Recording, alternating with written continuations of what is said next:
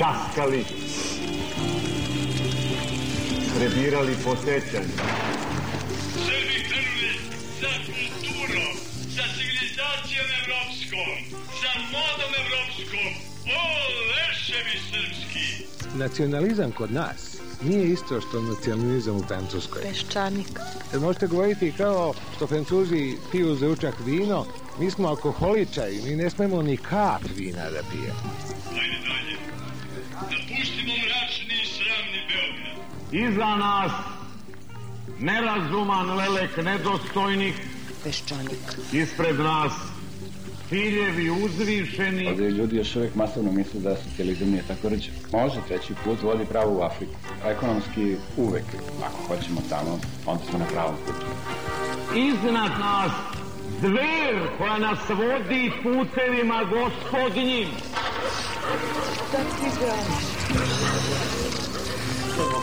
I da ne zatvorim oči, Peščanik. ja mogu da zamislim Srbiju kao najdinamičniju zemlju na Balkanu i jednu košnicu sa malo trutova i puno radilica. Ako ne uspemo, niko nam neće biti kriv.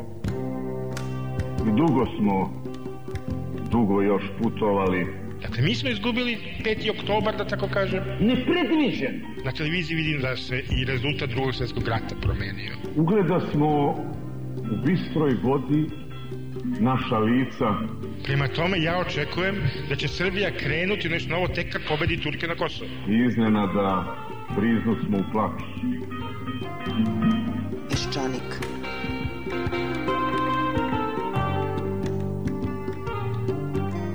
Dobar dan vam želim, ja sam dobro, a nadam se da ste i vi dobro.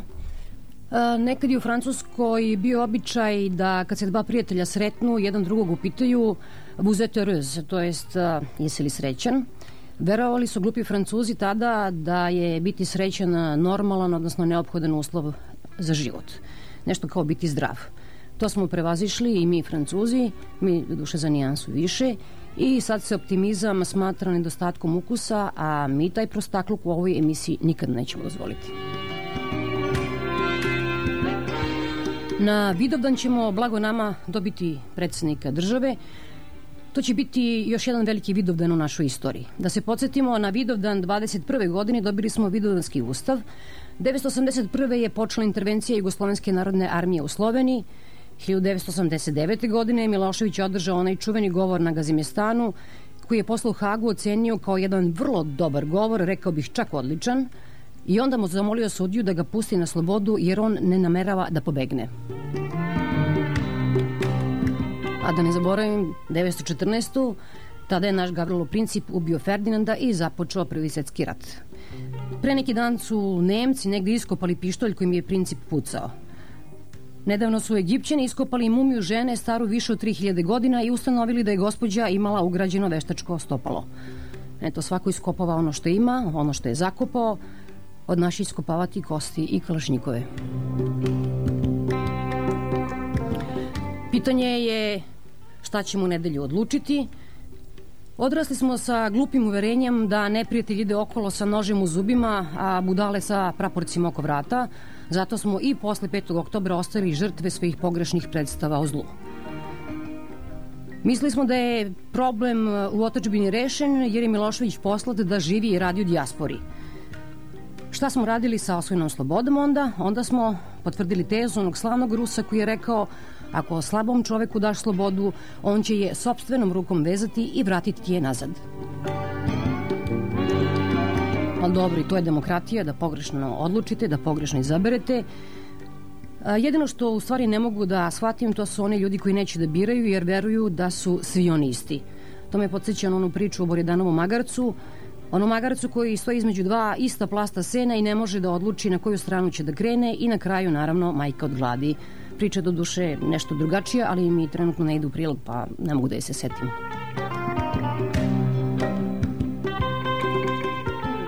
Da vam ne ostanem dužna pomenjenje predsednika vlade, koji se opet negde zaturio.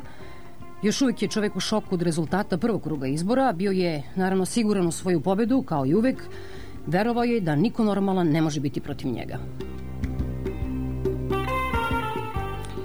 U prvom krugu izbora narod je proigrao poverenje predsednika vlade i sad kolektivno treba da mislimo kako da se iskupimo. Ljudi, nemojte se šalom šaliti, u raj se ne ulazi bez volje svetaca. Eto, ništa nije bilo strašno, poštovala sam predizbornu šutnju. Sa sve one tuži babi jece mogu da odahnu. Nećemo pominjati ništa više, možda. Na početku ovog peščanika govori istoričar Slobodan Marković i sad ćemo da udarimo po Bogoljubu Kariću. Za mene je lično najneobičnija pojava prethodnih nekoliko meseci u Srbiji e, politički uspon Bogoljuba Karića.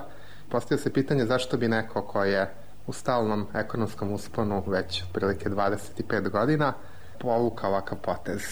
Meni lično padaju na pamet odmah dva razloga. Jedan je psihološki, drugi je politički.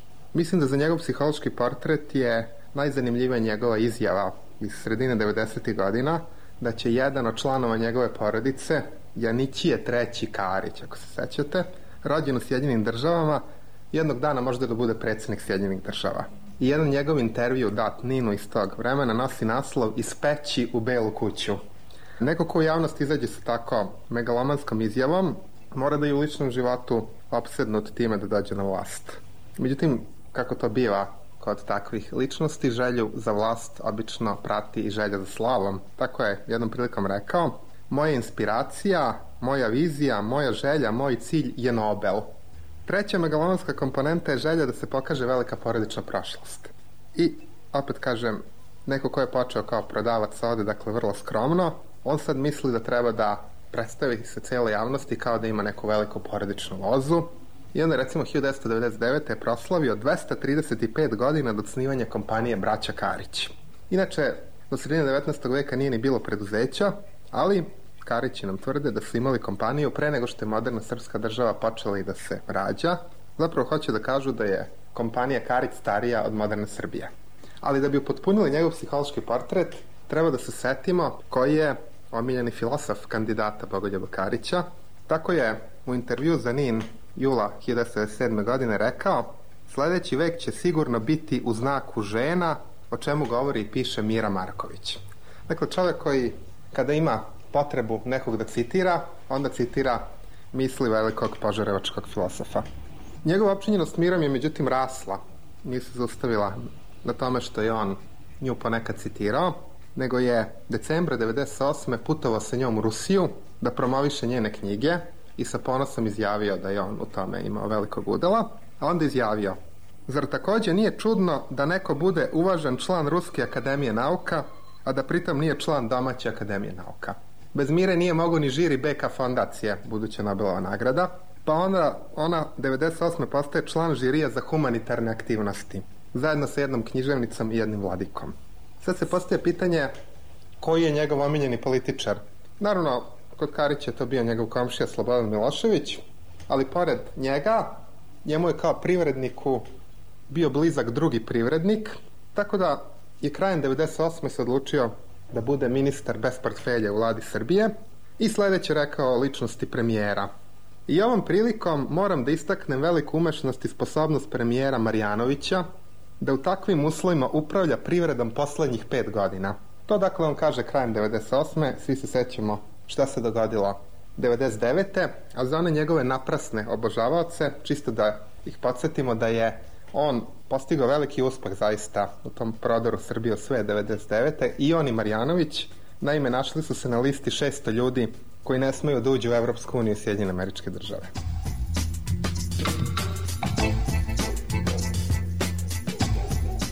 Sad kako se od prodavca sode i muzikanta stiže do milijardera, u državi u kojoj jedna trećina živi ispod granice siromaštva, kako se dolazi do kapitala u vreme kada je zemlja pod međunarodnim sankcijama, kada penzioneri gladuju 93. kada ljudi se hrane iz kontejnera, to je pitanje na koje nismo dobili odgovor.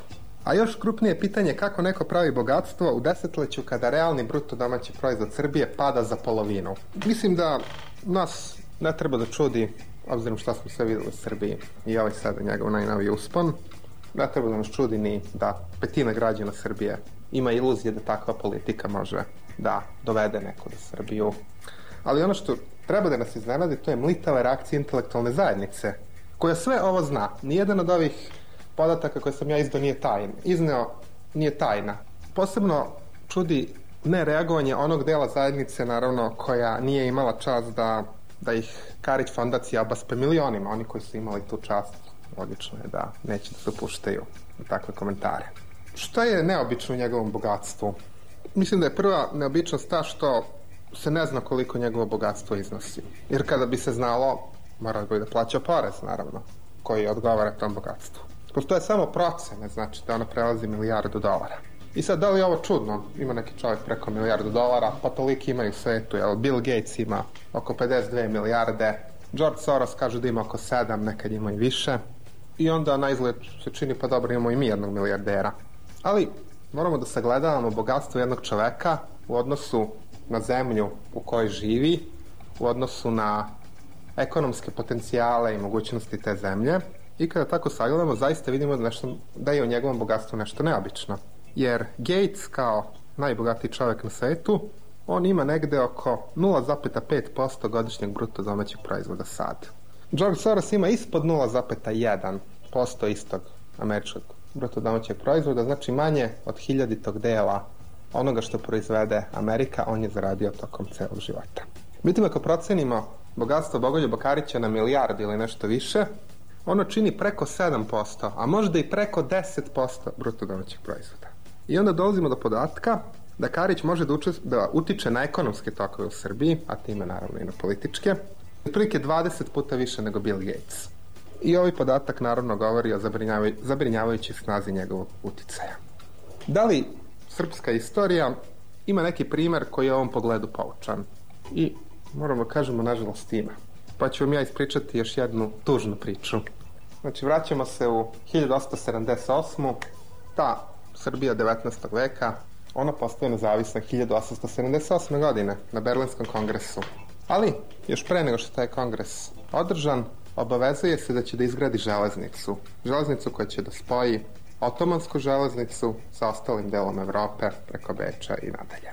I, naravno, jedna tako mala zemlja sa vrlo niskim budžetom nije mogla da finansira železnicu. I sad se postalo pitanje gde naći novac, jer postoji obaveza. I po prvi put je Srbija izašla na međunarodno tržište kapitala i potražila novac. I onda je našla jednu špekulantsku firmu koja je bila u velikom usponu, čije su akcije naglo rasle, a ta špekulantska firma zvala se Generalna Unija i nju je vodio jedan špekulant Pontu.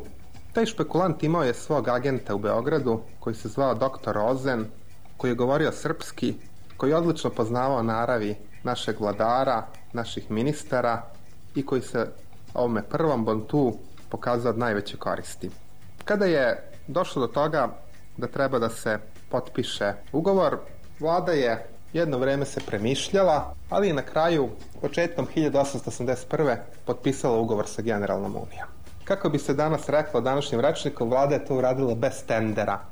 I na kraju krajeva vlada je prihvatila manje više sve uslove Generalne unije, uključujući i jedan uslov koji danas zvuči neobično, a tad i nije zvučao toliko neobično, a on se sastoji u tome da formalni iznos pozajmice nije odgovarao realnom iznosu.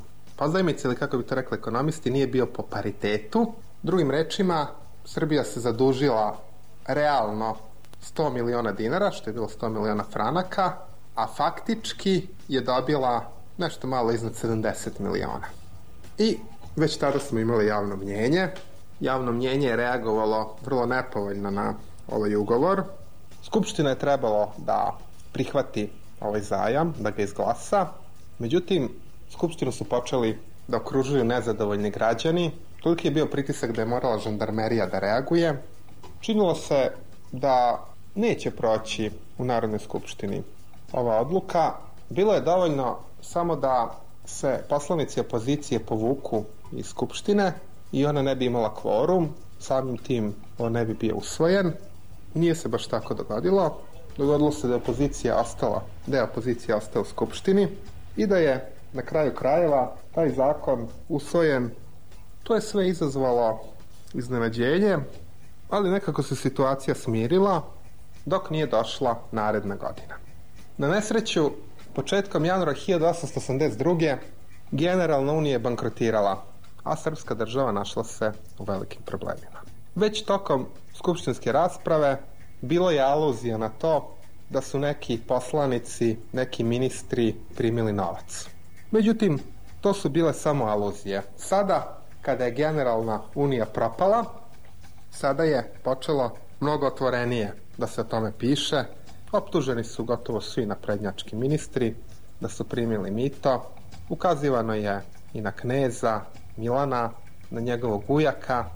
Ukazivano je na mnoge poslanike i opozicije i vlade.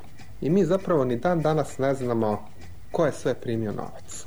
Ali ono što pouzdano znamo, to je da je Generalna unija ovlastila svog sposobnog agenta u Beogradu, doktora Rozena, da bez ikakvih restrikcija podmićuje koga god je potrebno podmititi, kako vladine, tako i opozicijone poslanike, pa i sam dvor. I dvor, u stvari, na prvom mestu. Čini se kao neosporno da je kneže Vujak bio jedan od onih koji je primio najveću sumu. Radilo se ogromnoj sumi za to vreme. Suma je iznosila 6 miliona dinara. To je bilo 6 miliona franaka. O cijeloj ovoj aferi najviše nam podataka daje Slobodan Jovanović. A evo kako on sumira stanje nastalo posle ove afere. Savremenici su zlurado razbirali ko je sve i koliko primio od Bontua. Za istorike nije važno utvrditi poimenično mitoprimce. Ima nešto drugo što je za istorike važno. Bontuova koncesija dovela je prvi put našu zemlju u vezu s velikim zapadnoevropskim kapitalom. Taj kapital prosuo je među naše političare sume koje su po našim ondašnjim pojmovima bile ogromne, ali koje za velike parijske i bečke banke zainteresovane ovoj koncesiji nisu značile tako mnogo. Kvarenje naših političkih naravi počelo je odmah pod uticajem stranog zlata. Ni knez Milan ni naprednjačka vlada nisu stali na put tom kvarenju naravi. Milan šta više davao je Bontu potrebna uputstva u raspodeli mita. Da li je on šta lično primio od Bontua, to se ne zna. Ali da je potkupljivanje naših političara vršeno s njegovim znanjem i saučešćem, to izgleda vrlo verovatno.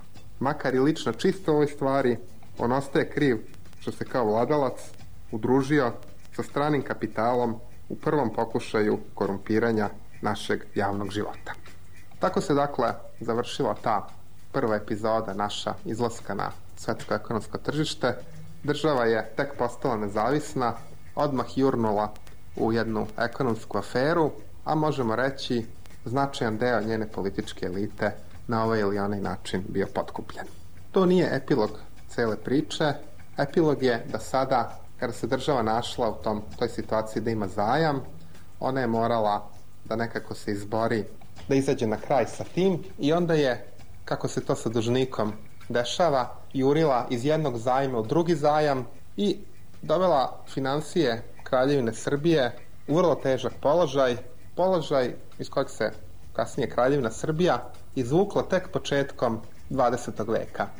Moramo da se zapitamo da li se i nama nešto tako dešava i naravno ja ću da podsjetim na izjavu to vreme ministra Svilanovića datu u utisku nedelje da neko kontroliše jel, te naše poslanike, neko ko nije iz vlade, on ih nije imenovao, ali svejedno je njegova zasluga da je makar jedini to pitanje pokrenuo.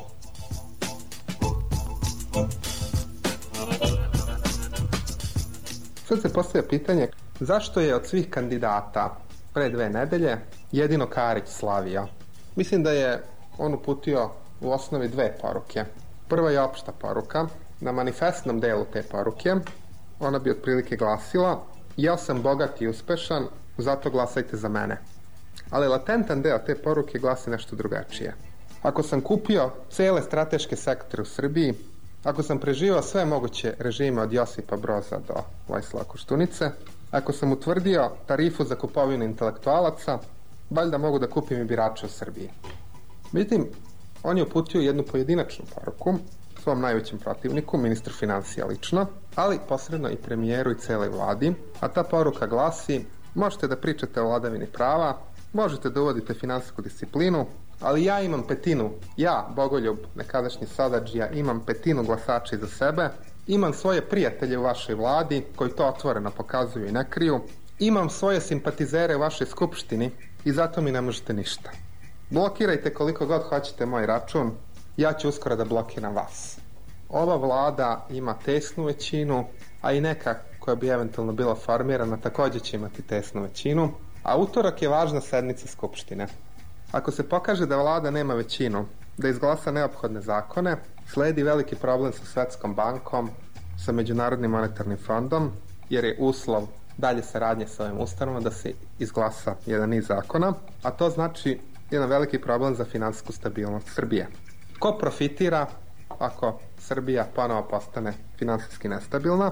Pa profitiraju oni koji su već pokazali da mogu da profitiraju takvim stanjima i kojima bi u situaciji finansijske nestabilnosti bilo lakše da kupe ono što još nisu stigli. I mene lično ne čudi da se glasači nadaju čudu. Ali ono što zaista čudi, to je da Kariću stiže podrška čak i iz intelektualnih krugova. A što je još crnje i gore, čak i iz nevladinih krugova, što ipak ne bismo mogli da očekujemo. I sad se postoje jedno pitanje. Kako može da bude proevropski nastrojen čovek onaj koji je zajedno sa Miro Marković tvrdio da je budućnost spoljne trgovine Srbije u razvoju ekonomskih odnosa sa Kinom.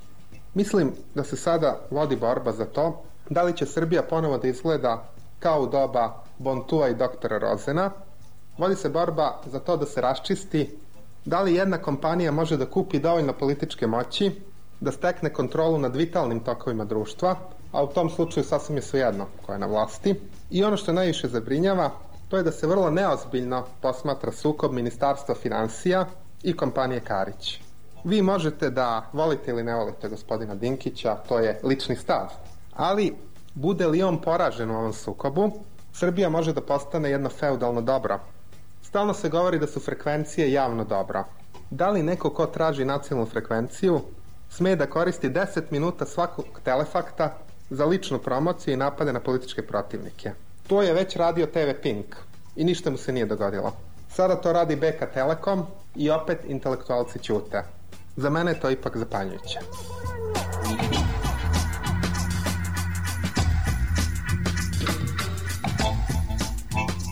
Kaže se nešto je trulo u državi Danskoj, a meni nešto delo je trulo u državi Srbiji, a to je jedan zapanjujući podatak da vladajuća koalicija koja drži miting svog kandidata u isto vreme kad i Bogoljub Karić, nije u stanju da obezbedi prenos svom kandidatu na radio televiziji Srbije. Da li man taj podatak govori da čak i državna televizija, odnosno da čak i na državnu televiziju veći upliv imaju neki ljudi sa strane nego sama vlada. Ako jedan čovek kontroliše vrlo važnu televiziju, ako je njen vlasnik, ako je u strateškom sektoru komunikacija jedan od monopolista, ako je njegova kompanija potpisala specijalni ugovor sa najtiražnijim dnevnikom večernjim novostima, ako je ključni čovek večernjih novosti jedan od laureata nagrade BK fondacije, znači tu postoji očigledno jedan sklop interesa, onda se postavlja pitanje gde je tu kraj? Da li uopšte sme u jednoj demokratskoj državi jedan čovek da ima upliva u toliko različite e, segmente, da li je potrebno doneti antimonopolski zakon koji će prosto ograničiti velike bogataše i reći u redu, možete da imate stotine miliona i normalno je da možete, to se uopšte ne dovodi u pitanje, ali se postaje pitanje da li neko može da ima toliki monopol. Amerika je jasno odgovorila Microsoftu da ne može i kaznila ga kada je procenila da je krenuo u stvaranje monopolisanog tržišta. I u tom smislu pred našom je intelektualnom javnošću još jedna bitka, a to je bitka za donošenje valjanih antimonopolskih zakona koji će sprečiti da Srbija postane privatno vlasništvo jednog čoveka, jedne kompanije ili nekoliko ljudi i nekoliko kompanija.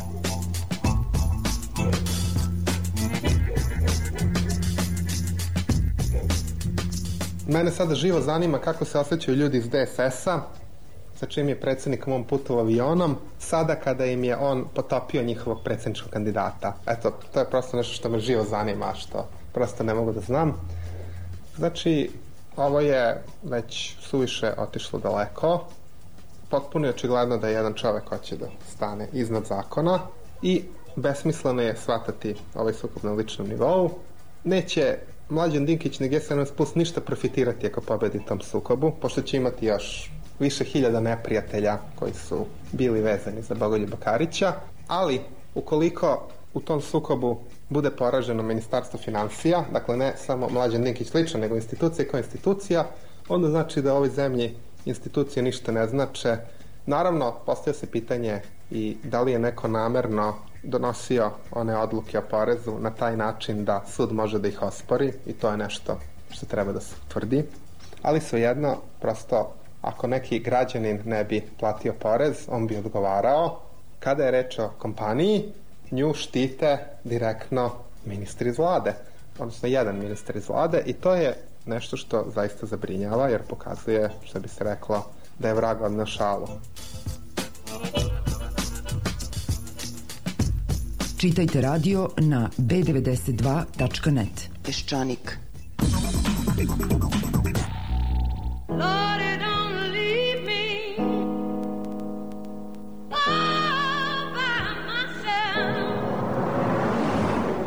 Nova velika akcija iz Renault Hit Auta. Samo do 17. jula postanite vlasnik Renaultog dizel vozila po ceni benzinca i u zavisnosti od modela i dodatne opreme uštedite uz popuste od 711 do 2382 eura. Za ljubitelje Renaultovih benzinaca imamo specijalne iznenađenja. Renault Hit Auto, Staro sajmište 29 011 146 388. Ne, da, ne, ne, ne, da, ne. Raiffeisen banka vam pruža rešenje za velike odluke. Do sada najbolji i najjednostavniji uslovi kreditiranja. Mm, da. Nove pogodnosti Raiffeisen bank kredita sa osetno boljim uslovima. Duži rokovi otplate, niži procenat učešća i manji broj žiranata za sve gotovinske, potrošačke, turističke i auto kredite. Da. Raiffeisen bank krediti. Osetno lakši život.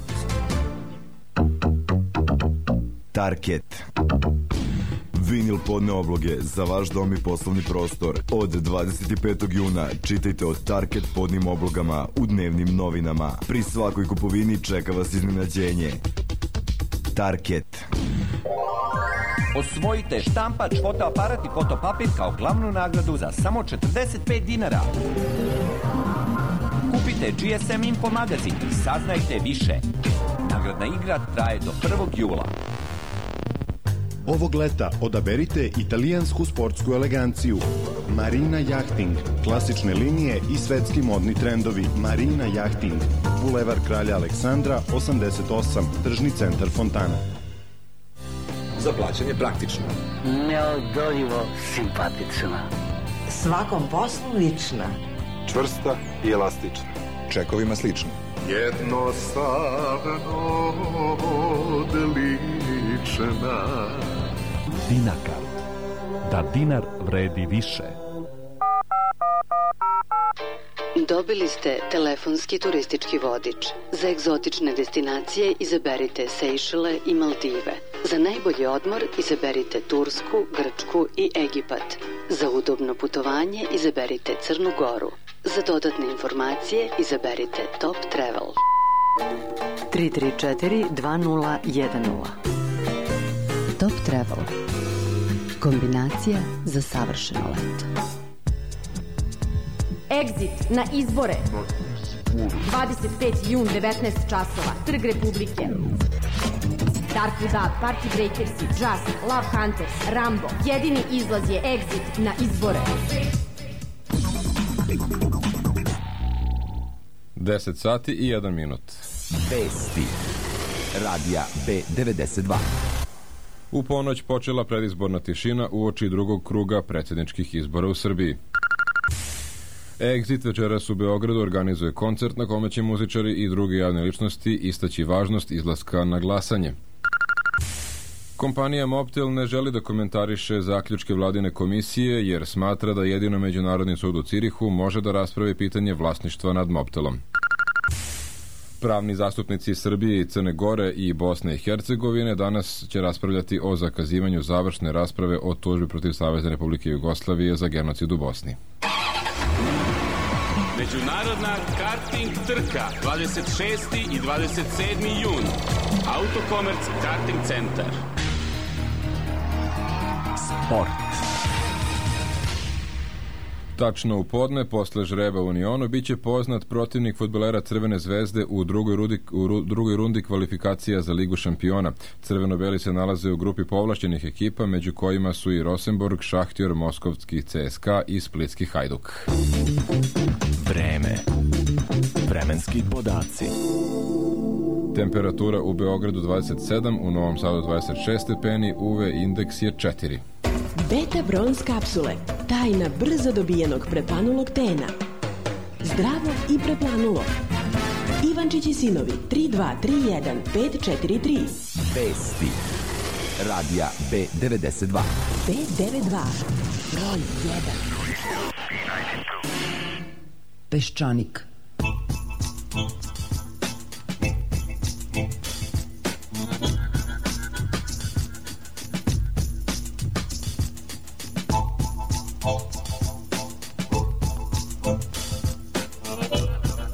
Peščanik. Repriza subotom od 16 do 17.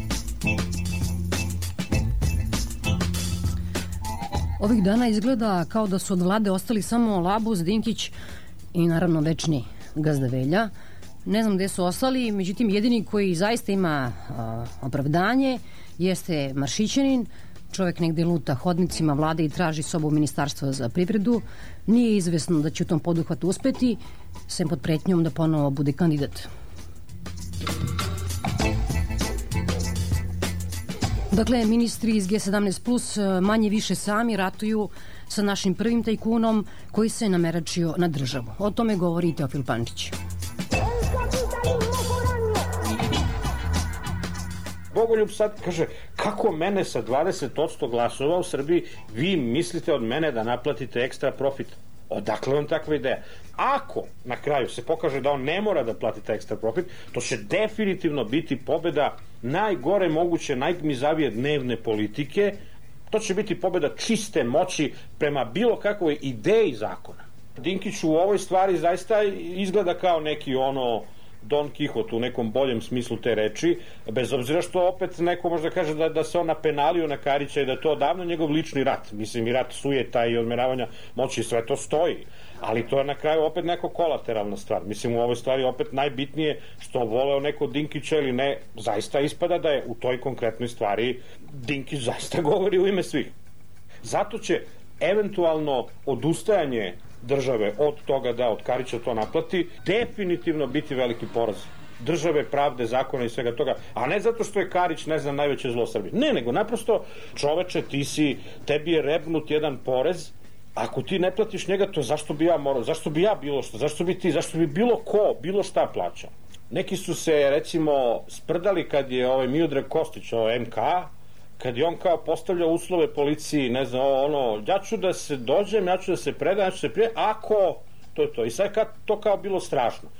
A tebi se šeta Nebojša Pavković, ono, po Beogradu, po Srbiji, ide od televizije do televizije i, i postavlja svoje uslove državi, policiji, Bogu, Ocu, planeti, Hagu, Briselu, Vašingtonu. Misli, čoveče Boži, on je on čovjek sa poternicom, ozbiljnom poternicom jednog legitimnog međunarodnog suda koji priznaje, čiju nadležnost priznaje ova država i on ide okolo i popuje i kaže ja neću ovo, ja hoću ono, ja mislim ovako, ja ne, ne dozvoljavam onako. Pa dobro, ako može Nebojša Pavković, onda može i Kostić, onda može i ti, mogu ja, može bilo ko. Ako meni sutra neko kaže da sam nešto uradio protiv zakona, ja mogu da kaže ko, šiša, evo Nebojša i ja se slažemo, da, mislim, da buduće ljudi koji su za nešto optuženi sami treba da procene da li da li je to okej okay ili nije. U ostalom, da ne navodim sad i primjer Legije i to kako, kako je on tretiran kao to što se stalno govori, to što Miša Vasić kaže, to što stalno navode, to da je svedočenje, to što on govori. To što nije tako naivno, nije to samo nekakav, eto, puki terminološki problem i sad neki lapsus ovo ono, nego zaista ljudi, postoji jedan deo ljudi koji njega zaista tretiraju kao svedoka i to uopšte nije tako naivno.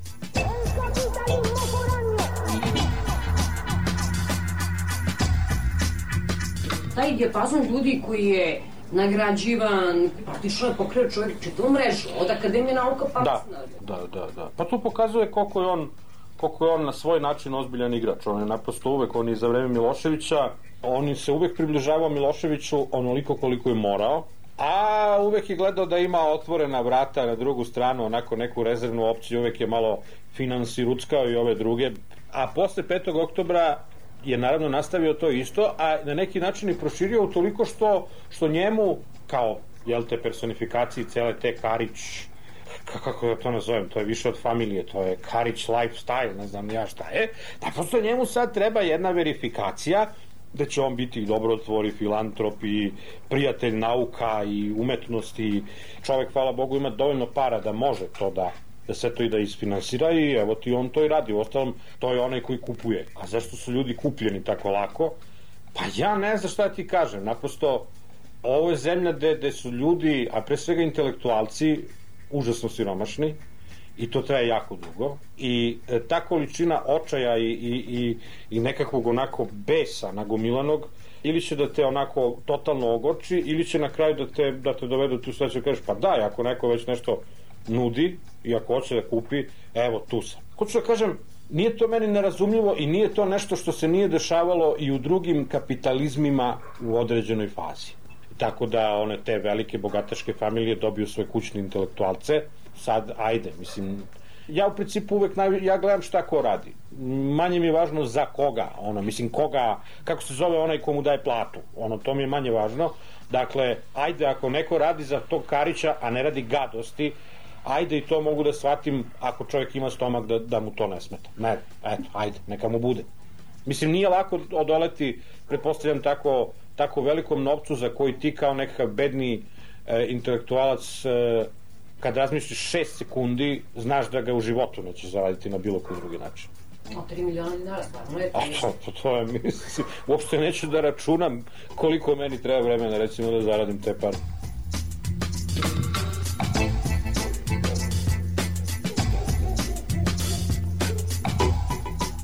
Povod tom tekstu u ovom aktualnom broju vremena je pojava, taj nekakav pokret, u principu potpuno marginalan, ekstremno desni pokret koji se zove Omladinski pokret 64 županije, njegov sedište je u Segedinu, dakle u Mađarskoj, blizu granice, i on se onako polako širi pipke po, pre svega po severnom delu Vojvodine, a imaju slične namere i u drugim zemljama tipa Rumunija, Slovačka i tako gde postoji velika mađarska zajednica koji su nekad pripadale Ugarskoj. Oni idu okolo i distribuišu nekakve mape, ništa što mi nismo već gledali. Dakle, svi ti razni ono sve srpski, sve hrvatski, sve albanski i ostali ludaci. Ali ono što je meni tu negde bilo fascinantno, znaš, jeste to koliko se sad nekakva moralna panika digla oko toga, gore po Vojvodini. Nije to problem samo što ovi srpski desničari ne razume šta se dešava, nego i ono što se zove srpski demokratski mainstream. On uopšte ne shvata kako sad to, šta je to, pa mi, a zašto mi, pa mi smo fini, mi smo dobri, mi smo demokrate, ovo, ono, zašto sad ovi mađari nama tako? Ti smatraš da je normalno da ti unutar vlastite zajednice imaš i ekstremiste. I ti ćeš reći ekstremisti su ružni, prljavi, zli i tako dalje, ali negde im ne odričeš legitimnost postojanja, kao, nego kažeš pa dobro, sad bože moj, ajde, pa ne možete, nemojte sad da nas gledate kroz njih. Ali drugome, na neki način odričeš pravo na ekstremizam mi smo za toleranciju prema Mađarima, Mađare ovde možda shvatiš i bukvalno i kao metaforu, sasvim svejedno, ali oni moraju da budu fini, moraju da budu dobri, moraju da budu lojalni. Pa ne, ali čekaj, ako ti tolerišeš fašiste u svom okruženju ili u svom nacionalnom korpusu, ako već govorimo u tim, u tim etno kategorijama, pa onda isto tako moraš da shvatiš da i oni drugi takođe imaju nekav procenat e, stanovništva koji takođe naginje tim idejama i to je takođe podjednako legitimno odnosno podjednako glupo kao i ovo tvoje. Ne, ali kod nas uvek se polazi od toga, jer to je jedna stalna priča, uvek je to bilo strašno da na onoj drugoj strani postoje nekakve ustaše. Mislim, to je nekako uvek bilo strašnije od ovih naših ludaka koji sa kamama u zubima se slije, to je nekako kao folklor. A ovo je strašno, Ustaše su strašne. A ovi hrvatski malograđani su to doživljavali te Ustaše, jel te, kao, pa da, to je više onako, to je tako, to su ono, pijani klinci, to je folklor, a? ali ovi četnici, to je, sačuvaj Bože, to bi sve poklalo i dete u kolevci. Mislim, to stalno gledanje e, na te ekstremizme iz dva potpuno različita ugla i, i, i ono kako se to, sećaš se kako se to govori, kako to dvostruki aršini. E, ti stalni dvostruki aršini, to je ono što te zapanjuje i to pogotovo kad se to dešava u jednoj situaciji da ti, na primjer, na tom severu Vojvodine neke izborne statistike pokazuju da recimo srpsko stanovništvo u tim mestima gde, gde, gde, gde su Srbi uglavnom manjini mahom glasa stranke starog režima, zlih 90-ih i tako da. Mislim, potpuno je bizarno da ti sad ono se zgražavaš nad činjenicom da se negde tamo u Bečaju se pojavili nekakvi plakati, možeš misliti i pojavila se nekakva marginalna organizacija, pa ja se čudim da se sve to nije pojavilo mnogo ranije, čudim se da, da tih ljudi nema mnogo više i čudim se da oni nisu mnogo mnogo nadrkaniji nego što jesu. I upravo na tome insistiram u tom tekstu. Ovde ljudi imaju generalno problem sa oživljavanjem u, u poziciju drugog. Mislim, to je strašno. Ajde zamislite situaciju nekoga ko, na primjer, živi negde tamo u Senti, u Subotici, ne znam, u Kanjiži, i on gleda kako, recimo, ta zemlja, koja je, recimo, po tom nekom etnocentričnom kriterijumu njegova matična zemlja, kako ta zemlja već ono 15 godina, što za mladog čoveka znači od kad on zna za sebe, kako ta zemlja gigantskim koracima napreduje ekonomski, politički, aj neću sad da idealizujem, ali kako ta zemlja u svakom slučaju odnosu na ono što mi pamtimo iz vremena sovjetske okupacije, ta zemlja realno cveta. A zemlja u kojoj se on nalazi propada na sve moguće načine. I to traje ne samo za vreme Miloševića, nego traje i nakon Miloševića. A on, kao građanin te zemlje, ne samo da deli propast sa drugim svojim sugrađanima, nego sve vreme još nešto nekome sumnjiv, nekome nešto nije po volji, zašto on govori tako, zašto se tako zove, zašto ima takve ideje. Mislim, naprosto toga je malo too much. I taj čovjek, šta bi on treba da razmišlja kad on vidi da ta matična zemlja tako napreduje, da ovo ovde nastavlja se ovaj glib, pa šta on treba da misli? Pa treba da pošle sve u pičku materiju. Mislim, realno to je ono što bih ja uradio u toj situaciji, što bi ti uradio, što bi svako normalno u toj situaciji uradio. Tako ja kažem, da se ja tim tim ljudima što nisu sto hiljada puta više i nadrkani i besni, jer bi imali za to izvesnih motiva koji su drugačiji od motiva koji mi imamo. Kako ja kažem, mi nemamo drugu opciju. Jeli, tu smo gde smo i na neki način, znaš, ti, ti si kao pripadnik tako neke manjine, e, ti naprosto nisi čak ni kriv za što, to što se desi. A pritom su još terani u te ratove, ono da, e, mislim, znaš ono, jedino što je strašnije od toga da ideš da ratuješ u ime nacionalizma, je da ideš da ratuješ u ime nacionalizma nacije koja nije čak ni tvoja. Znači, ispadam ja sad kao neki ono dežurni zaštitnik manjina. Ne radi se o tome. Radi se naprosto o tome da ovde postoji strašno veliki, strašno jak, raširen sindrom potpunog odsustva imaginacije da se shvati pozicija drugog. Prvo, iz perspektive Beograda, Vojvodina ne postoji. To to su tamo neki lale u nekim tako širokim gaćama koji otežu u govoru, slušaju tamburu, jedu slaninu i tačka. Iz perspektive same Vojvodine, vojvođanskog mainstreama, manjine, postoje isto kao nekakva folklorna činjenica, ima ih, govore nešto drugačije, ali mi zapravo ne znamo ni šta oni hoće, ni o čemu se tu sve skupa radi.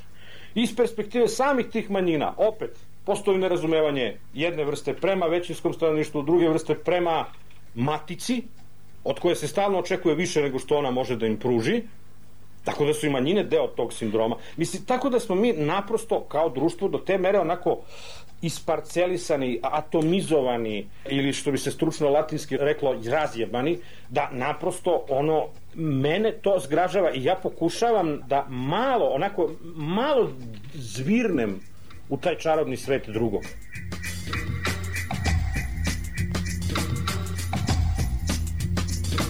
Zeksinić je održao Čavić onaj govor, ne znam da li si ga čuo. Bio je u 20. minutu, negde ni postoje uopšte. To je, to je neverovatno kako su ljudi generalno zaboravili sve što je zapadno od Drine. Ja se sećam, znači, to je na primjer 91. druga godina. I sećam se one emisije na RTS-u Srbija danas. Pazi, emisija se zove Srbija danas, ponavljam, to nije dnevnik, to nije Srbija danas.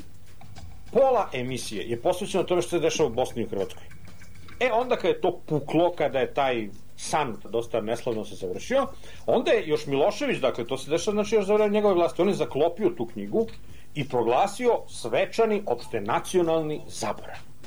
Mi smo se iskrali iz te priče, onako na prstima, ne, ne, nogu pred nogu, mi smo zatvorili vrata za sobom, ugasili svetlo i mi ni, luk jeli, ni luk mirisa. I tako se mi ponašamo i poslednjih godina Miloševićeve vlasti, tako se ponašamo preko dosovog perioda, tako se ponašamo i dan danas. Ovde više nije problem ni toga da li se sad negira ili se ne negira postojanje Srebrenice, postojanje, ne znam, da li su u Dubrovniku Ustaše palile gume ili je stvarno bilo... Ne važno je samo da mi, ne daj Bože, nešto ne, bude, ne, progla, ne budemo proglašeni krivim da smo mi nešto učestvovali u tome, jer ćemo onda morati da plaćamo odštetu, mi ćemo biti... I sad ti da nekome kažeš, ali čoveče, ali Srebrenica, ali vidiš šta se dešava, on će reći, pusti, nemoj o tome, jebi ga, ovi u Hagu nas već ganjaju, šta ako to ode pred Međunarodni sud u pravde u Hagu, tamo i šta na kraju ako mi budemo... Pa čoveče, centralno pitanje je da li si ti razbio prozor ili nisi. Ako nisi razbio prozor, u redu, ne treba da plaćaš odštetu, ili tako? A ako si razbio prozor, pa šta očekuješ? To što je Čavić govorio, to, to je definitivno prva vest. To nije 20 minut, to je prva vest. Ali kako ti sad to odjednom da staviš kao prvu vest, kad se ovde sve radi naopako i virtualno? S jedne strane imaš prečutkivanje onoga što i tekako postoji. Dakle, ono da vidimo šta smo mi, ono, dolazi konobar i pita šta smo ovde imali. Račun za Bosnu, račun za Hrvatsku. S druge strane, naduvavaju se virtualne priče tipa Kosova. Šta misli Čović, šta misli ovaj, šta misli onaj, a to sve zajedno je potpuno virtualno, jer to veze s mozgom nema, jer se to sve dešava u jednoj ja ne znam kako da ne zovem, u jednoj zemlji, na jednoj teritoriji, nije važno, jednom entitetu, u nečemu.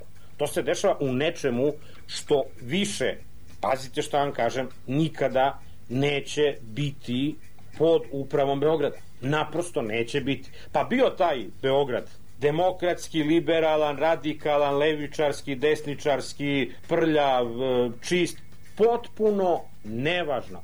Ta istorijska knjiga je zatvorena, ali ti ovde nemaš nikoga ko će to jednostavno kaže, aman ljudi, pa nemojte se više zezati bre, nema ništa od toga. To stvarno se proizvodi nekakva virtualna stvarnost. Ono, ono o čemu bi mnogo više trebalo da se govori, to se baca u stranu, ono o čemu u suštini nema šta da se kaže. Jer kad je trebalo da se govori, da se misli i da se radi pametno, radilo se ludo i radilo se, a to je opet, to je nekad bilo i gotovo, završena priča, evo, mi se time bavimo. Tako da onako sve nešto onako okrenuto na glavačke i ti gledaš i kažeš, bože, da li ovde postoji neko ko, ko ima ono što oni stalno, oni stalno govore o nekoj nacionalnoj odgovornosti. Mislim, to nacionalisti najviše vole da koriste takve termine.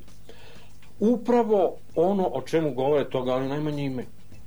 Oni nemaju hrabrosti da, da svoj tobože toliko ljubljeni narod suoče nekim elementarnim činjenicama. Isto ti je sa Crnom Gorom. Ovde se govori o tome šta ćemo mi, kako ćemo mi modalitete, ne znam, neke nepostojeće federacije, neke zajednice koje, koje nema, koje neće biti. Mislim, tamo je stvorena jedna generacija političke elite, delom intelektualne elite i tako, koja za svoju životnu misiju ima stvaranje nezavisne Crne Gore. Ti ja možemo sada filozofiramo, teoretično da kažemo, šta to znači nezavisnost u današnjem svetu? Ko je nezavisan? Misli, pa svi ćemo biti u Europskoj uniji i tako dalje. Tačno. Ali kad oni kažu nezavisna Crna Gora, to znači nezavisna od Beograda. To ne znači nezavisna od Brisela, nezavisna od Vašingtona, nezavisna ne znam od koga. To znači nezavisna od Beograda. I to će bude. To, odnosno, to već jeste. Radimo sve ono što zapravo izgleda kao izbegavanje krucijalnih tema. Za mene sto puta značajnije to što smo dobili onako nakazno ministarstvo prosvete i onako nakaznog ministra i ministarstvo kulture, Za mene to sto hiljada puta značajnije nego sve te tobože državotvorne priče. Oni su čoveče, boži, šta su oni uradili? Oni su skinuli one famozne crteže Vuka Karadžića kako je isplazio jezik i Svetog Save kako namiguje pčeli, sve što, što su sjajni, zgodni, duhoviti crteži, ni po čemu uvredljivi, ni prema Savi Nemanjiću, ni prema Vuku Karadžiću, ni prema mozgu bilo kojeg normalnog čoveka.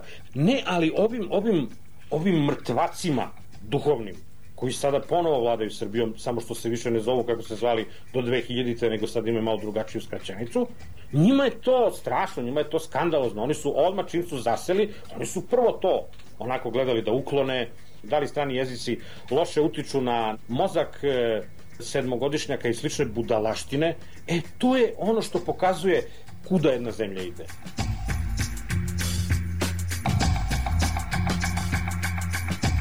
Otprilike sve to onako postoji nekakva socijalna stratifikacija i tu se jako, jako malo šta menja, jako malo tu. I mislim da će tu najgore da prođe što ne mogu da kažem da ću ja zbog toga da plačem, da će najgore da prođe ova međupolitika, kako ja zovem, ova politika našeg aktuelnog premijera i njegove stranke. Zato sam se ja obradovao recimo rezultatima prvog kruga, ne, pošto, jel tako, mi imamo preizbornu čutnju za drugi krug, ali nemoj za prvi, jel tako? E, molim lepo, molim lepo, prvi je prošao. Zato sam se obradovao rezultatima prvog kruga, i što su baš ta dvojica kandidata e, prošli u, prvi krug, e, u drugi krug, zato što to znači da imaš iste opcije. Pa molim lepo, znači ti imaš glasanje koje je čisti test inteligencije. Tu nema finesa, nema ni jansi, nema ovaj, mislim, više mi se dopada kako ovaj začešljava kosu. Ne, stvari su potpuno čiste, A ili B, dža ili bu, molim lepo. Mislim da je dobro da Srbija polako tim budućim izborima ide ka definitivnom profilisanju stranaka gde će upravo ta kako je, kako je ja zovem malograđanska međuopcija polako da se utapa. Nešto će da, nešto će da od, otplivava prema desno, nešto će da otplivava prema levo. Levo i desno uslovno naravno, govoreći ta Srbija onako nekakvog stajanja u mestu, neke, neke prazne zamišljenosti. Dakle, zamišljenosti iza koje, u kojoj zapravo ne čuči nikakva misao. Da će ta Srbija polako nekako da kopni i da ćemo mi možda kroz izvestan broj godina imati čistiju situaciju gde imamo s jedne strane znači taj nekav građansko-liberalni korpus i socijaldemokratski, da s druge strane imamo taj, taj e, konzervativističko-narodnjački korpus i možda tu na ne, da, da još nešto da može da uleti onako kao neka treća opcija i to je to.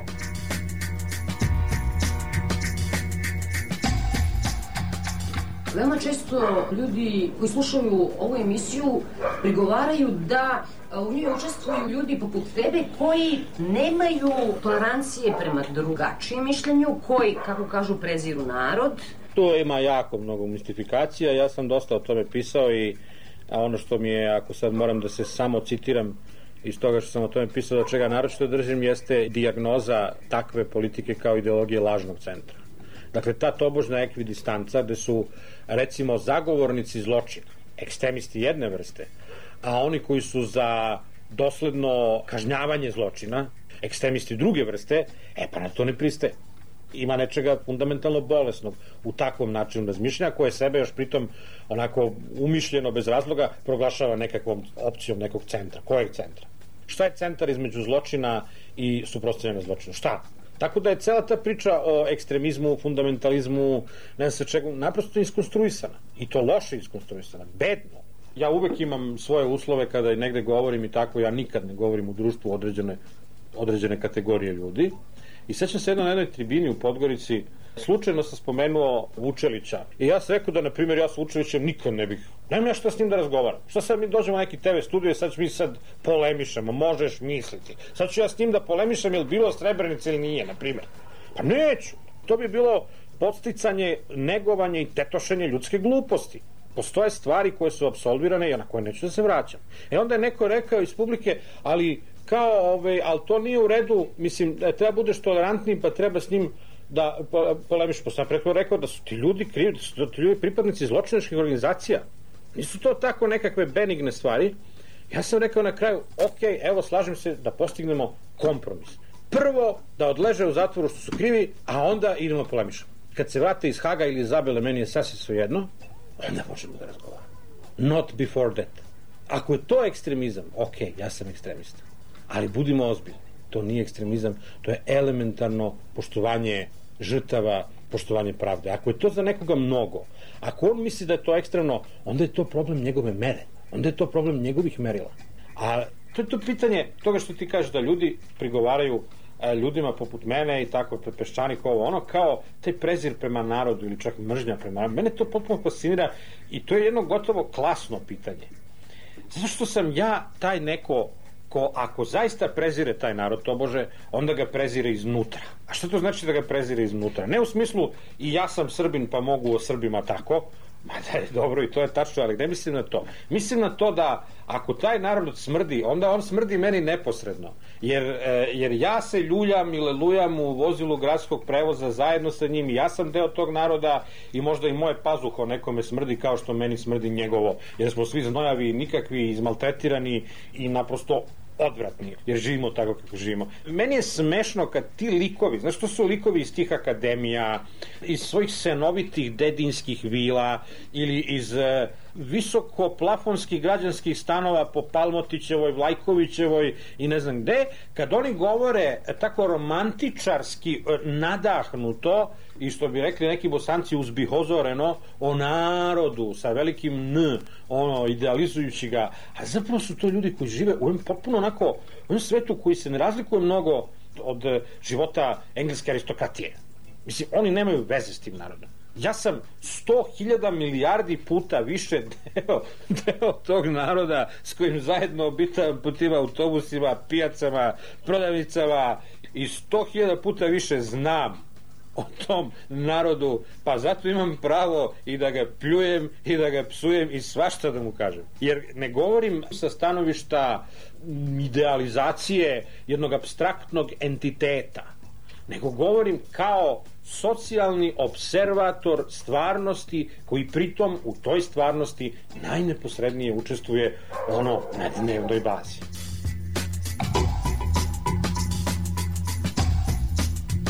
Peščanik. Repriza subotom od 16 do 17. Profitirajte uz štednju. Štedite uz profit. U Pro Kredit banci. Profit štednja po novim jedinstveno povoljnim i fleksibilnim uslovima. Podignite kamatu u napred. Razoročite novac bez provizije.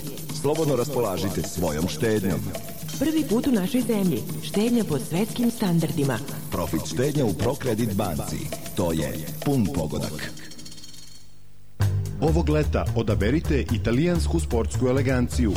Marina Jachting, klasične linije i svetski modni trendovi. Marina Jachting, Bulevar Kralja Aleksandra, 88, tržni centar Fontana.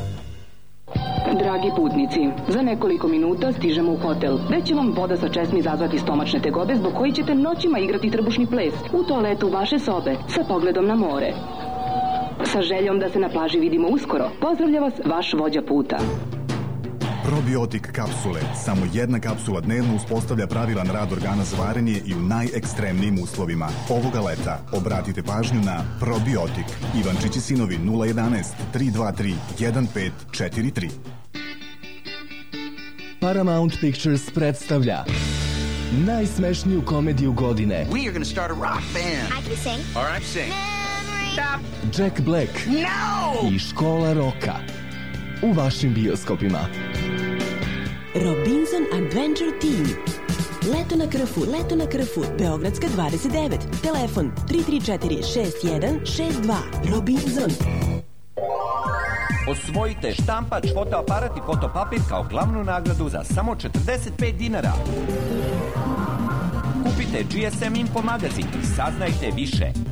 Nagradna igra traje do 1. jula. Mi smo jedina banka u Srbiji u kojoj možete da unovčite svoje obveznice stare devizne štednje i da novac dobijete istog momenta. Ja predala papir, a oni meni keš odmah. Nacionalna štedionica. Banka za ceo život. Ko je bio čovek koji nas je vodio?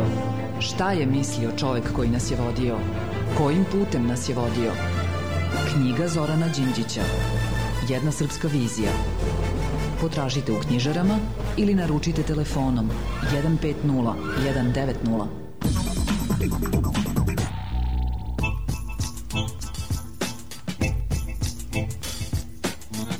Čitajte radio na b92.net. Peščanik.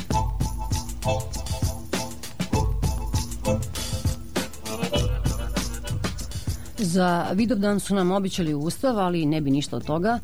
Kako nam a, ide sa ustavom, prećemo na referendum koji ovih dana ima nameru da raspiše general Pavković nego na referendum o ustavu.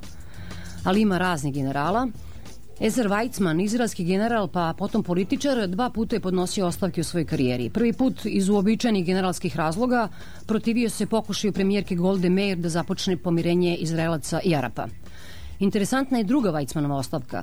Kada je došlo vreme da sopstvenog sina Šaula pošalju u rat, Weizmann se zamislio i napisao sinu pismo u kome kaže gde smo mi roditelji pogrešili, pa vi, naša deca, morate u rat. Sin je otišao u rat i poginuo, a Weizmann je podneo ostavku citirajući svoje pismo Šaulu i govorići o užasima rata. Da li je moguće da je stvar tako prosta, da je za mir dovoljno samo to da generali svoje sinove šalju u rat? Hipići su izgleda bili u pravu. A mi ćemo pred ovu letnju pauzu, kao i obično, da napravimo mali izbor snimaka iz cele prošle sezone. Čućete ponovo Ivano Spasić, Dubravko Stojanović, Vojna Dimitrijević, Biljano Srbljanović, Miljenka Deretu, Lasla Vegila, Desimira Tošića i po prvi put predsednika Republike Srpske Dragana Čavića, koji je pre neki dan održao govor kojim smo čekali 9 godina.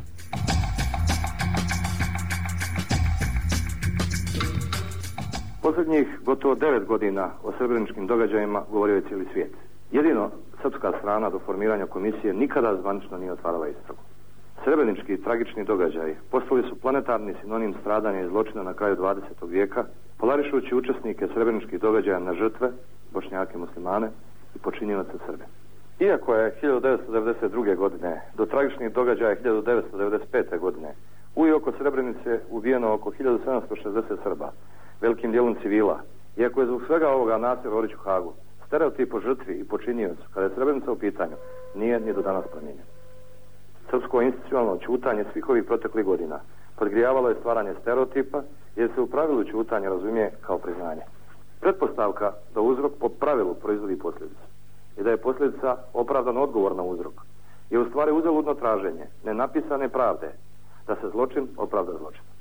Ako je istorijski kontekst srebreničkih događaja motivisan traženjem istorijske ravnoteže u zločinu, onda se može očekivati da je 1995. godina uzrok za neku buduću godinu u začaranom krugu zločina čovjeka na čovjeku. Komisija za istraživanje događaja u i oko Srebrenice u periodu od 10. do 19. jula 1995. godine formirana je odlukom vlade Republike Srpske 15. decembra 2003. godine. Teško je bilo naći Srbe koji će raditi u komisiji jer su bili svjesni istorijske odgovornosti pred vlastitim narodom zbog istrage kojom treba da se utvrdi što više dokaza za istinu od devet dana srebreničke tragedije i ulozi Srba u stradanju Bošnjaka. Citirat ću neke dijelove izvještaja. Najdramatičnije je 12. i 13. jula u Potočarima bilo sistematsko razdvajanje vojno sposobnih muškaraca od porodica. Bolna je činjenica da je među njima bilo dosta vojno nesposobnih i maloljetnika. Razdvojeni vojno sposobni bošnjaci u Potočarima, njih najmanje hiljadu, odvezeni su iz Potočara na druga mjesta zatočenja u Bratunac 12. i 13. jula, gdje su dovođeni zarobljenici iz mješovite kolone u šumi, a odatle na mjesto pogubljenja. Iza njih ostala je velika gomila ličnih stvari i dokumenata koji su spaljeni kasno uveče 13. jula 1995. godine. Zatim, u toku dana je do 17.30 zarobljeno najmanje 6.000 muškaraca koji su raspoređeni na nekoliko lokacija. Najveći broj zarobljenih odvođen je na sabirna mjesta u Novoj Kasabi gdje je zatočeno između 1500 do 3000 ljudi i u selu Sandići na jednoj poljani gdje je bilo zatočeno između 1000 i 4000 ljudi. Jedan broj zarobljenih kod Nove Kasabe i Konjević polja ubijeni su na obali Jadra ujutru 13. jula 1995. godine. Dalje u izvještaju piše Kasno poslje podne 13. jula 1995. godine više od 1000 zarobljenih u selu Sandić odvezeno je u Kravicu i zatvoreno u skladište osnovne organizacije kooperanata Kravica u zemljoradničku zadrugu. Nakon što se desio incident u kojem je jedan zarobljenik ubio jednog policajca, čiji su se pripadnici snaga MUPA razbjesnuli i oko 18 sati počeli likvidirati zarobljenike. Zoljama, ručnim basačima, ručnim bombama i pušanim mecima. Dalje piše, u Grbavcima je po nekim procenama bilo oko 1000 zatočenih. Oni su iz Grbavca prevoženi kamionima do stratišta u Orahovcu. Ubijeni su odmah zatrpavani masovne grobnice, pa je kasnije Vojska Republike Srpske prekopala i prenijela tijela na druge lokacije. Dalje također piše, komisija je prikupila informacije o postojanju 32 do sada nepoznate i neobrađene masovne grobnice sa tijelima bošnjaka žrtava događaja u i oko Srebrenice. Živeti u jednoj zemlji u kojoj je sve otvoreno, znači živeti u jednoj zemlji u kojoj je sve moguće. A živeti u zemlji u kojoj je sve moguće često se loše završi i često u istoriji ima tendenciju da se završi u autoritarnim režimima jer se onda pojavi neko ko objasni da on ima rešenje za sve te probleme i da će ih za dva meseca rešiti i da, da se ta rešenja nalaze u džepu, da su vrlo jednostavna, vrlo se jednostavno ona formulišu u tri rečenice, a to je uvek podloga autoritarnom i vrlo opasnom poredku.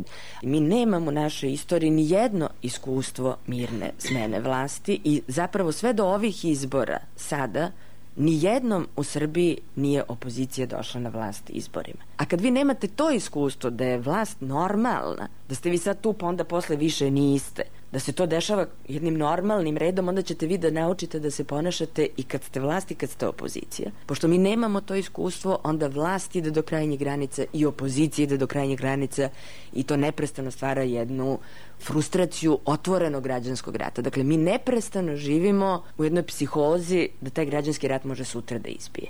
I to je, zbog toga se mi plašimo, recimo, kad vidimo prekid televizijskog programa. To, to je prosto nešto što je tokom 90-ih ušlo, čini mi se, za sva vremena u svakog od nas. Jer smo mi neprestano suočeni da može u svakom trenutku da se desi nešto najgore. Problem je u tome što mi nemamo vremena. Eto, to, to je problem Srbije. A još je veći problem što ona nema vremena već čitav vek ili vek i po. I što se stalno čeka to da se to desi i da se to krene, ali se to nije desilo i nije se krenulo. Ako vi osjećate da nemate vremena krajem 19. veka, a to isto osjećate krajem 20. veka, umeđu vremenu je prošao najburniji vek i najbrži vek u, u, u svetskoj istoriji, onda vi stvarno imate problem, jer ti vaši problemi su se degenerisali dok je svet otišao dalje. Dakle, vi jeste, znači, ušli u neku vrstu patološkog stanja jer niste rešili ni jedno od tih pitanja. kao čovjek i Srbin, pa onda kao otac, brat i sin, a tek onda kao predsjednik Republike Srpske. Moram reći da je ovih devet dana jula srebreničke tragedije crna stranica istorije srpskog naroda. Učesnici ovog zločina ne mogu se opravdati nikome i ni sa čim. Onaj koji je činio ovakav zločin i pri tome se možda pozivao na narod kome pripada po imenu i prezimenu, činio je zločin i prema vlastitom narodu. Onaj koji se možda pozivao na Boga čineći zločin, očekujući od svevišnjeg blagoslova, činio je zločin protiv Boga u koga vjeruje. Onaj koji je činio ovakav zločin zbog osvete, posvetio se vlastitom narodu. Čuveni srpski vojskovođa iz Prvog svjetskog rata, Vojvoda Živojin Mišić je rekao U ratu se lako gubi glava, ali se lako gubi i obraz. Preko 20.000 Srba izgubilo je život u posljednjem ratu časno se boreći za svoj narod i Republiku Srpsku. Oni koji su u ratu čineći nedjela izgubili obraz, ne mogu očekivati da zbog njih cijeli srpski narod ostane bez obraza. Ko je od Srba u ratu izgubio obraz, sami moramo utvrditi. Istina, ma kako ona teška bila, mora se ustanoviti. Jer ako je sami ne utvrdimo, istinu će nam ukazivati i utvrđivati drugi. Ne mogu znati da li će srodnicima postradalih bošnjaka, koji su žrtve ratnih zlodjela počinjenih od strane Srba, ovo moje obraćanje značiti bilo kakvo olakšanje. Razumijem i suosjećam bol onih koji još uvijek traže svoje najbliže. Svi imaju pravo na pravdu. A vjerovat će u pravdu ako saznaju istinu o sudbini svojih najbližih i ako budu kažnjeni oni koji su počinili zlodjela. Kao predsjednik Republike Srpske, Srbin, građanin Republike Srpske i Bosne i Hercegovine, otac dvoje djece koja budućnost ide ovdje. Pozivam svakog pojedinca, bez obzira na nacionalnu, vjersku, partijsku ili neku drugu pripadnost, da istinom i poštovanjem za druge pomogne da nam istorija počne da biva hronika humanosti i preporoda, a ne sukoba i destrukcije. Hvala. Neke ljude koji smo mi kao istoričari posmatrali kroz političku istoriju i znamo i kao predsjednike vlada, kao ministre spoljnih poslova i tako dalje. Mi smo sad njih otkrili u neverovatnim nekim oblastima i mi smo sad jednog Jovana Žujevića, kojeg smo znali kao samostalnog radikala, pa smo ga znali kao ministra, pa smo ga znali kao predsjednika vlade, pa smo ga znali posle u demokratskoj stranci i tako dalje. Zna- Znali smo njegovu političku. Mi smo sad njega otkrili kao osnivača katedre za geologiju u Beogradu, za osnivača silnih udruženja, uključujući prvo planinarsko udruženje u Srbiji, na primjer. Ili Vladana Đorđevića, koje smo takođe znali kroz politiku, ali sad smo ga videli da on osnovao sve, Srpsko lekarsko društvo, sve moguće institucije do, do te škole za medicinu i tako dalje. I to je strašan zaključak, zato što mi vidimo znači te neke ljude koji su školovani na zapadu, koji su došli s tim idejama ovde, koji su imali beskrajnu energiju. Dakle, oni su i pisali knjige, bili profesori univerziteta i bili ministri i osnovali sve institucije u ovoj zemlji. I to je za nas bilo otkriće, ali je strašno da ta država je uvek zavisila od ličnog entuzijazma. Dakle, tu nije bilo sistema, nego vi imate te pojedince koje smo mi sad odjednom otkrili, koji su sve napravili. I sudove, i medicinu, i planinare, i bicikliste. I to je taj problem. Dakle, šta ako nemamo tog pojedinca? Šta kad ubiju Zorana Đinđića? Eto, to je to pitanje. Šta radi Koštunica? U mome sistemu vrednosti to je bezvredno pitanje. Mnogo je vrednije kakvo će vreme biti sutra prepodne. Najgori su ti patrioti, ti nacionalisti. Oni su u stvari najveći protivnici naroda. Jel? Oni su, dakle, potpuno preobučeni šibicari koji... Znate kako, se, kako šibicari rade? Nije stvar onome ko okreće šibice, nego je stvar onima koji izigravaju žrtve i koji izigravaju mušterije. Tako da šibicari, to je u stvari jedan okreće kuglicu ispod šibica, a još petoro glume razne likove. Slučajni prolaznik, klecava starica, nevina devojka, Dobroćudni, Čikica, sve su to šibicari. I ono, oni svi igraju za vas da bi vas navukli. Tako su i ovi svi. Oni su svi borci, za narod i tako dalje, sve to. U stvari su to sve šibicari koji jednostavno taj narod hoće da orobe, da ga navuku. To je naša stvarnost. Kad vi danas ste pesnik iz Bosne i Hercegovine, Karadžićev senator, pa govorite o bombardovanju Srbije, ja bih mogao da kažem takvom pesniku, Magarčino jedna, zašto ne pomeneš bombardovanje Sarajeva? Jer Beograd i Srbija su bombardovani 77 dana, a Sarajevo je bombardovano 1070 dana. I poginulo je u Sarajevu ne znam koliko hiljada više od bombardovanja Srbije. Ja bombardovanje sam uvek odbacivao, uvek sam napadao i ovo napadaću. Smatram da je to nemoralno, nepametno, nepolitički. Ali slušajte, niko nema prava da napada to bombardovanje, ko ne napada bombardovanje Sarajeva. Mi smo potpuno našu pamet doveli u jedno stanje perverzije. Halo, Radovane. Da. Dole je situacija grozna. Oni su upali u srpska sela kod Okučana. Da. A, armija se povukla, uzela se odletio u Beograd, ta djeca ginu. Jedna naša veza iz Zagreba nam javlja da bi sutra mogao biti napad na Knin, ili? Sve koliko ti daš ljudi dodatni, Da? sve će ih naoružati i sve će im uzeti. Helikoptera ćemo do- doterati sve to. Večera ćemo na savjetu izdati proglas i nek idu oni u pičku materu lijepu. Samo još jedno pitanje. Mi ovdje imamo nešto arkanovaca. Da. Jesu oni pod našom komandom? Sve, sve što nosi pušku, sve pod mojom komandom, ako misli nosi glavu. E, dobroveče, Nikola Koljević na telefonu. Nikola, dobroveče. A jesi ti Dobrice? Ja sam. Evo, kratko da ti kažem. Gdje si ti? Ja sam u Sarajevu. Aha, ja... Mi smo četiri sata imali sa Cimermanom. To ništa ne valja, Dobrice. Ne valja? Ništa ne valja. Ovo s nama će biti isto kao sa zapadnim susedima i to je odlučeno. Pa šta kažeš?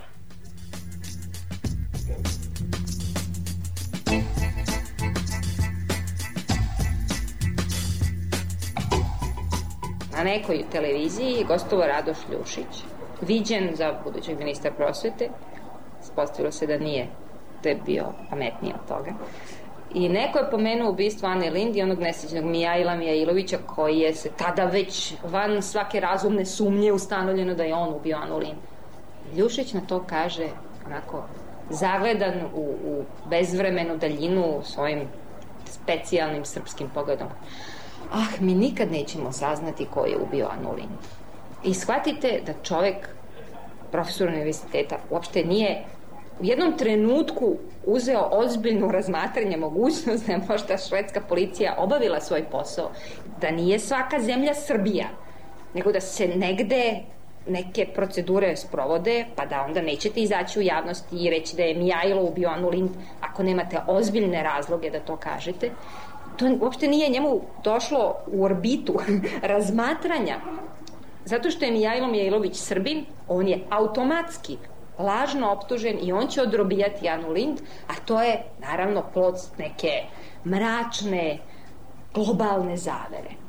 Ta količina bezumnosti i odgovornost čoveka koji je Radoš Ljušić, nije, nisam ja, niti je neki prodavac iz kioska, nego je jedan čovek sa ozbiljnim ugledom koga te nesrećne mase slušaju i koji njima daje objašnjenje njihovog sveta, on njima daje takvu poruku. To ne sme da se radi. A Vučilić? Da, da, to je krasan čovjek. Takvog moralnog tipa nema u srpskom društvu kao što je Vučilić. Krasan, krasan. Ogroman broj školovanih ljudi su veliki pokvarenjaci. znate. I ovde možete tako reći kupiti svakog čovjeka za novac. Vidite, i ljudi koji izgledaju dosta naivno i, da kažem, neinteresantno, znate, politički intelektualno, gore u strašnim ambicijama. Pa se to nisu samo šefovi partija, kako se kod nas misli. Da ogroman broj ljudi, znate, koji prelazi iz partije u partiju. Pošto posmatra političke stranke kao kafiće, gde se pije bolja srpska kafa, kod kasine ili kod Balkana. Znate, vi pređete, znate. Vlast kao obsesija, nedostatak ideja. I onda verovanje kad komunizam nije uspeo da proizvede jednu versku bazu i političke ideologije, to znači više nema. Mi smo u stvari verovali u komunizam, znate, dublje ili priče. kako god hoćete. I pošto je to nestalo, onda tu stvari više nema ništa. Prema tome mi možda budemo sve. A šta mislite o ovome što radi gospodin Labus i gospodin Dinkić G17+. Šta od njih možemo da očekujemo? Znate, to je najteže kad čovjek jednog trenutka vidi da izgubio ideale mladosti. Oni su to doživeli sad. Jedna partija koja je mlada postala starmala. Previše su taktizirali. Oni su stvorili jedan imić stručnjaka, to je bilo danju. A noću su bili ovaj, arhivari i živjeli su u muzejima, tim mrtvim velikim istorijskim muzejima u prošlosti. Tako da razapeti su između stručne budućnosti i političke prošlosti. Eksperti. Ja sam se našlio nedavno da će prvi zakon biti zakon o denacionalizaciji Narodne banke i vraćanje te imovine Dinkiću. To on doživljava kao nešto što njemu valjda pripada po nasledstvu. Ja?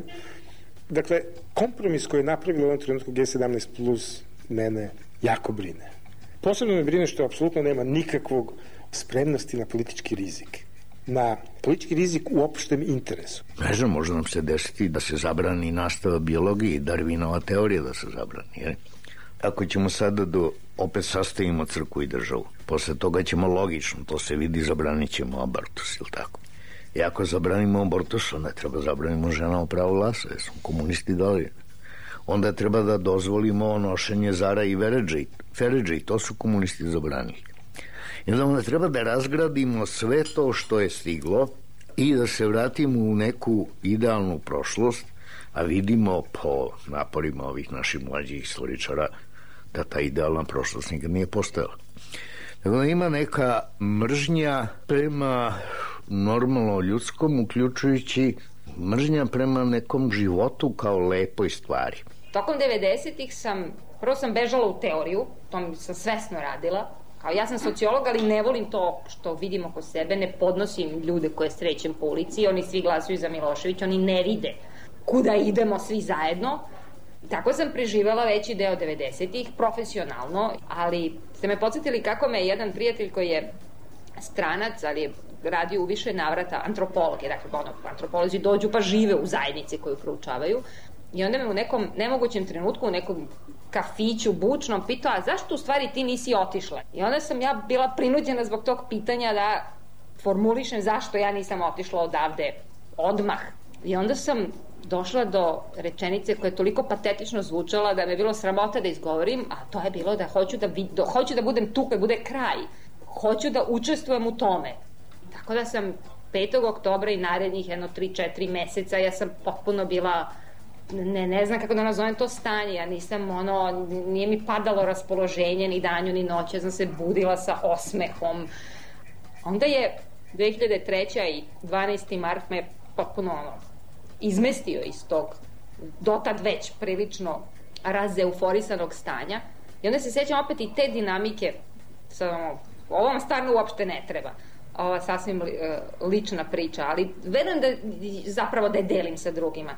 Taj užasni ono fizički bol i fizički, fizička težina koju sam osjećala i koju sam shvatila po onoj, ako ni, ni po čemu drugom po onoj sahrani, e, sam videla da delim sa, sa mnogima. Prvo jutro kada sam se ponovo probudila sa osmehom jeste bilo jutro posle večeri kada sam čula da je Zvezdan Jovanović uhvaćen i da je nađena puška i da je utvrđeno da iz nje pucano.